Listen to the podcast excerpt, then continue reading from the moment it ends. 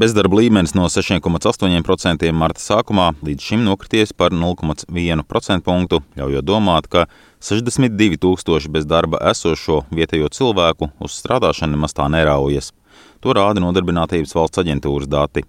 Aģentūras pārstāve Signe Bierānde stāsta, ka tradicionāli augstākais bezdarba līmenis ir Latgalē, kur mājās bez darba un naudas pavasari bauda katrs sastais, septītais cilvēks.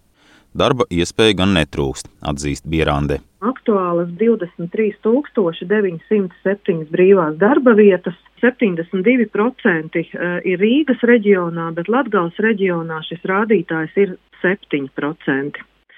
Vispieprasītākās šobrīd ir augstas kvalifikācijas profesijas kā programmētāji, medicīnas māsas, projektu vadītāji, skolotāji un arī sistēma analītiķi.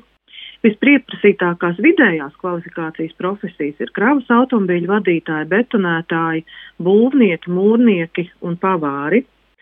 Zemes kvalifikācijas darbiniekiem iespējas ir strādāt kā palīgstrādniekam, būvstrādniekam, sezonas un lauksēmniecības strādniekam. Vislielākais pieprasījums pēc darbiniekiem ir būvniecībā, ražošanā, transporta un loģistikas pakalpojumos, lauksaimniecībā un tirzniecībā. Tāpēc varētu rasties jautājums, kurās jomās tad varētu strādāt ukraiņu bēgļi, zinot, ka pašlaik valsti pamet lielākoties sievietes un bērni. Jā, jums ir taisnība. Šobrīd eh, visvairāk ir pieprasīti, ko mēs vērojam. Vīriešu spēkam nepieciešamās profesijas, bet mums ir dažas ziņas par Ukrainas kara bēgļiem, kuri jau strādā.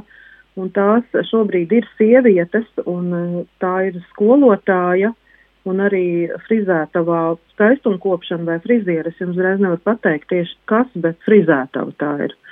Bet kara bēgļi šobrīd uh, nav reģistrējušies nodarbinātības valsts aģentūrā, Tādēļ es jums nevaru pateikt ļoti konkrētas profesijas. Latvijas Brīvo arotbiedrību savienības priekšsēdētājs Egils Baldzēns ir drošs, ka bēgļu ierašanās un nodarbināšana vismaz tuvākajā nākotnē nekādā gadījumā nav draudz, ka algu kāpums varētu bremzēties pat nerunājot par samazināšanos lielas darba spēka konkurences apstākļos. Mums jau praktiski inflācija draud divu ciparu līmenī, vismaz kā 12% desmit. Tas jau arī jāņem vērā.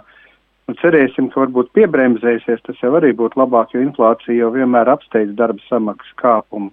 Un otrs, eh, protams, ir tas, ka mums Ukraiņu bēgļiem ir jāpalīdz, tā ir pavisam normāla solidaritāte un darba vieta mums aizvien vēl pietiek un mums arī ir jādod viņiem iespēja ne tikai saņemt kādus pabalstus, bet arī strādāt, iedzīvoties, integrēties, un mēs, protams, ceram, ka viņiem būs iespēja atgriezties arī savā valstī un viņu pašu pārvaldītā valstī.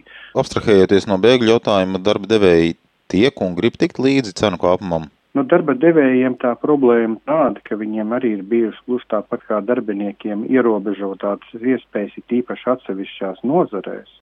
Tas ir viens, bet otra lieta, kuru mēs esam pakāpeniski vienmēr labojuši, bet Igaunija Lietuva mums vienmēr ir bijusi flagmans pa priekšu, un tas ir nodokļu sloga jautājumā. Un arī tagad, ja es paskatos, piemēram, uz 1000 eiro neto algu, mums ir augstākais nodokļu sloks eh, Latvijā. Un arī minimāla alga arī jāpaukstina, jo praktiski mēs jau esam viņi iesaldējuši. Ukrainas kara kontekstā ir vērts vērtēt arī to, ka daļa mūsu uzņēmēji palikuši bez Krievijas tirgus un izēvielu sagādas iespējām, tāpēc dažviet pat var nākties mazināt štatus.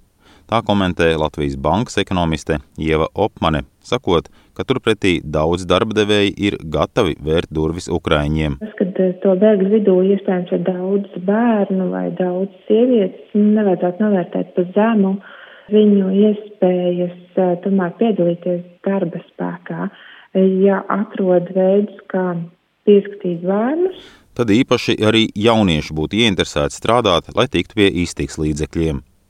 Bet kādu ietekmi bēgļu pieplūdums atstās uz algām? Pašlaik vēl tās cilvēku plūsmas Latvijā nav tik lielas, lai tas atstātu ietekmi uz algu līmeni. Uh, Protams, jāskatās, kā situācija attīstīsies un cik daudz būs to ieceļojušo, bet uh, pašlaik vairāk tā ir tā kā vakāņu aizpildīšana, bet um, spiediens uz algām meklēt kāds darbinieks joprojām pastāv. Piebildīšu, ka likumdevējs ir strauji pielāgojis normatīvus, lai Ukraiņi varētu strādāt arī jomās, kurās līdz šim to liedza valsts valodas zināšana trūkums un citas nianses.